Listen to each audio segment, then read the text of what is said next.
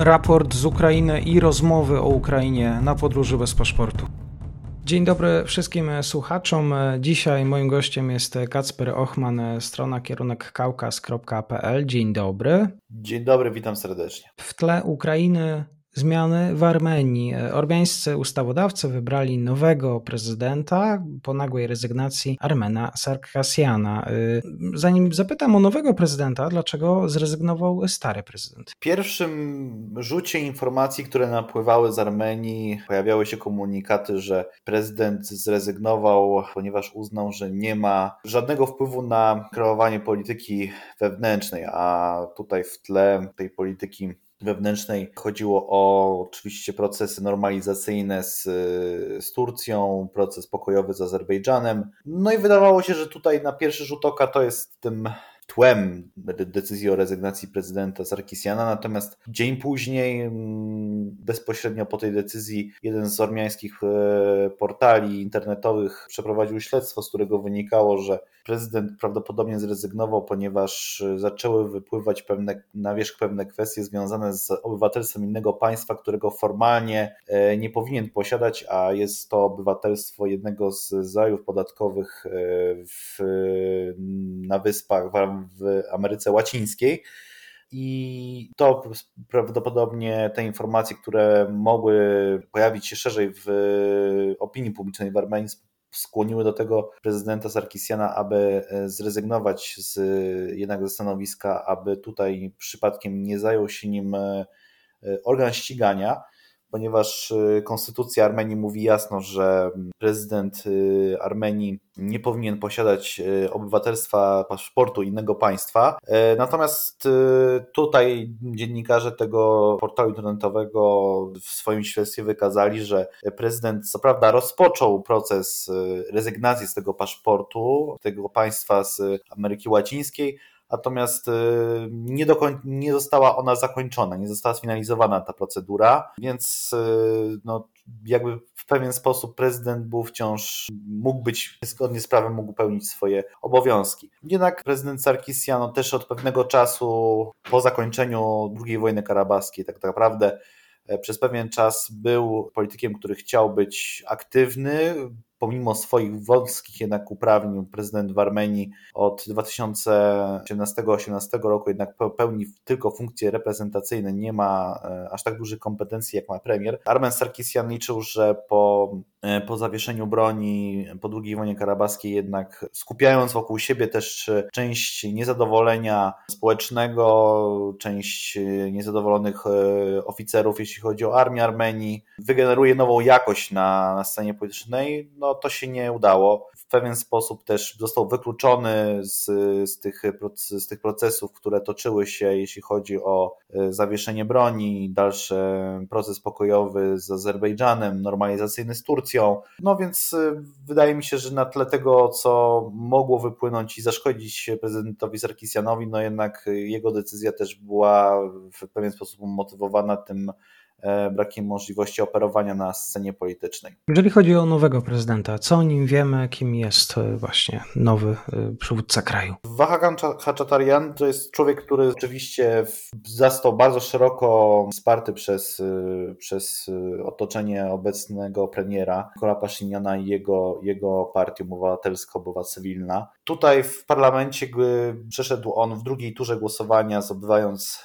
71 głosów. Opozycja nie wzięła, nie wzięła udziału w głosowaniu, bojkotując y, udział w głosowaniach, sugerując, że jest to, będzie to no, polityk po prostu z, z opcji rządzącej, bez, bez możliwości wpływu, w pełni sterowany, kontrolowany przez obecnie rządzących. Co o nim wiemy? Ekonomista, były burmistrz Rywania, były dyrektor, pracownik kilku komercyjnych instytucji finansowych w Armenii, z ekonomicznym wykształceniem. Wydaje się, że człowiek, y, który będzie na pewno w spokojny sposób próbował koordynować tą politykę zagraniczną i wewnętrzną Armenii, jeśli chodzi o parlament, rząd i, i premiera.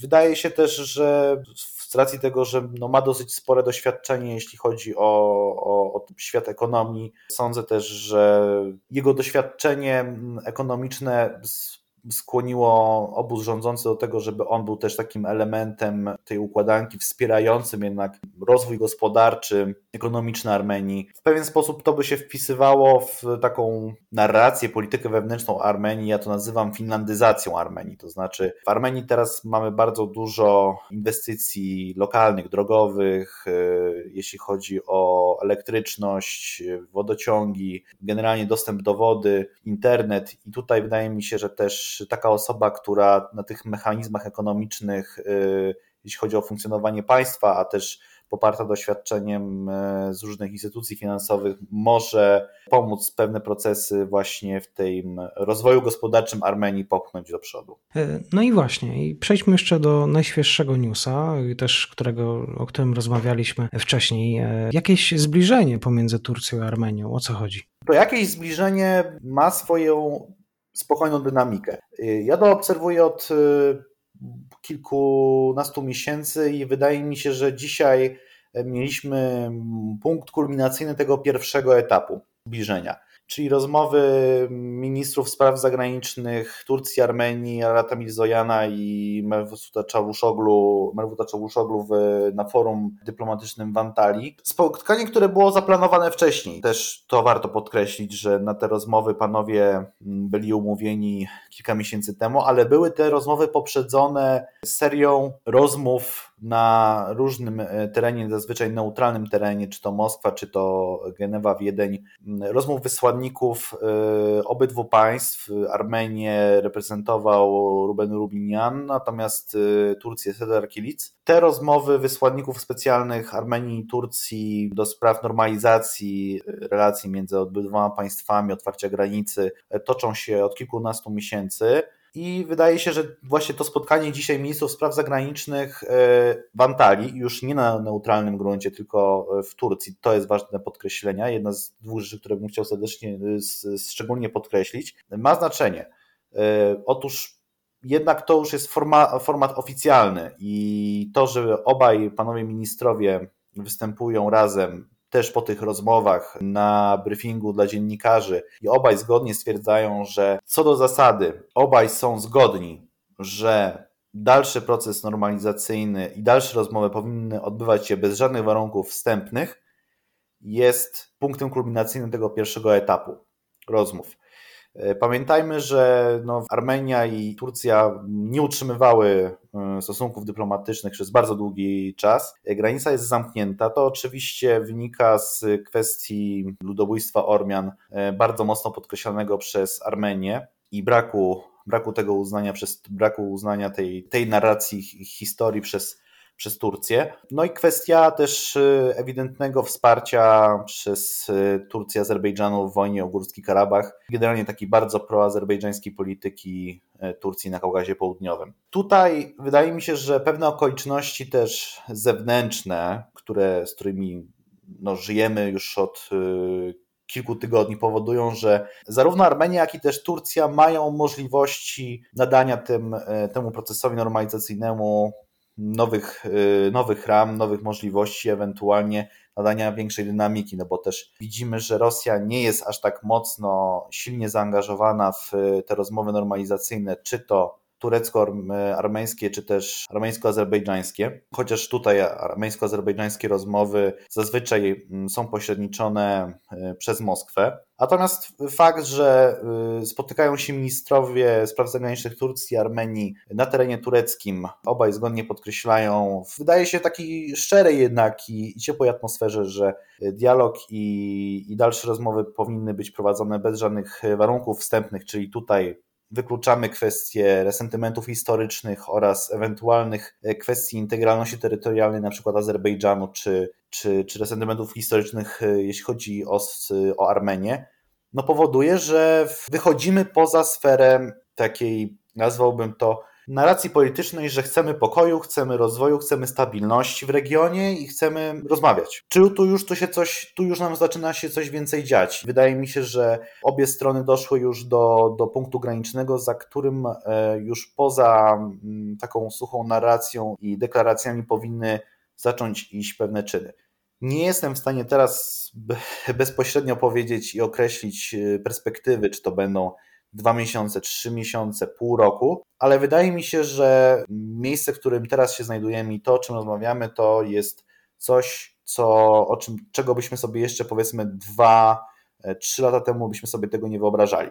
Więc tu na pewno jest to warte odnotowania, mówię zwłaszcza szczególnie z dwóch powodów. Pierwszy powód to taki, że do tej pory te rozmowy odbywały się na neutralnym gruncie i komunikat po tych rozmowach był taki, że no, rozmowy były produktywne, ale żadnych szczególnych efektów i, i, i progresu nie poczyniono. Natomiast tutaj obaj panowie ministrowie występują razem e, na briefingu prasowym Obaj zgodnie podkreślają, że ten e, dalszy proces normalizacyjny powinien mieć miejsce bez żadnych e, warunków wstępnych. No i druga kwestia no, odbywa się już na, na, na nieneutralnym terenie, tylko odbywa się w Antalii. Pojawiły się oczywiście wznowienie lotów komercyjnych między Armenią i Turcją. Tu bym się na przykład spodziewał jakiegoś, e, jakiejś identyfikacji. Może pojawi się w krótkiej perspektywie jakiś ruch graniczny mały. No zobaczymy. Tu myślę, że możliwości jest sporo. Też nie wiemy o wszystkim. E, część rzeczy będzie do nas dopiero docierać po jakimś czasie, o czym panowie ministrowie rozmawiali, ale wydaje mi się, że jeśli tu jest wspólny, jest zgoda na wspólne występowanie przed kamerami i, i, i składanie takich deklaracji, to wydaje mi się, że też możemy zakładać przynajmniej, że coś w niedalekiej przyszłości konkretnego pojawi nam się na horyzoncie. O ile oczywiście nie dojdzie na przykład do, do eskalacji konfliktu w Górskim Karabachu, bo też to też trzeba mieć y, bardzo mocno na uwadze, że rozmawiamy teraz w sytuacji, kiedy te natężenie ewentualnych incydentów w Górskim Karabachu jest dużo mniejsze niż było jeszcze kilkanaście miesięcy temu. To jest bardzo ważne co warto podkreślić. To musi być też bardzo y, spokojna atmosfera na, na Kaukazie Południowym, a z tym wiadomo, że nie zawsze y, jest. Dzisiaj polityka wewnętrzna i również zagraniczna, bo może się okazać, że te dosyć lodowate stosunki między Turcją a Armenią y, może stopnieją. Tutaj myślę, wydaje, że i Armenia, i Turcja mogą zyskać gospodarczo. Pytanie, czy geopolitycznie i pytanie o rolę Rosji. Dzisiaj słowo Kacper Ochman, kierunek Kaukaz.pl. Bardzo dziękuję. Dziękuję również i mam nadzieję do usłyszenia.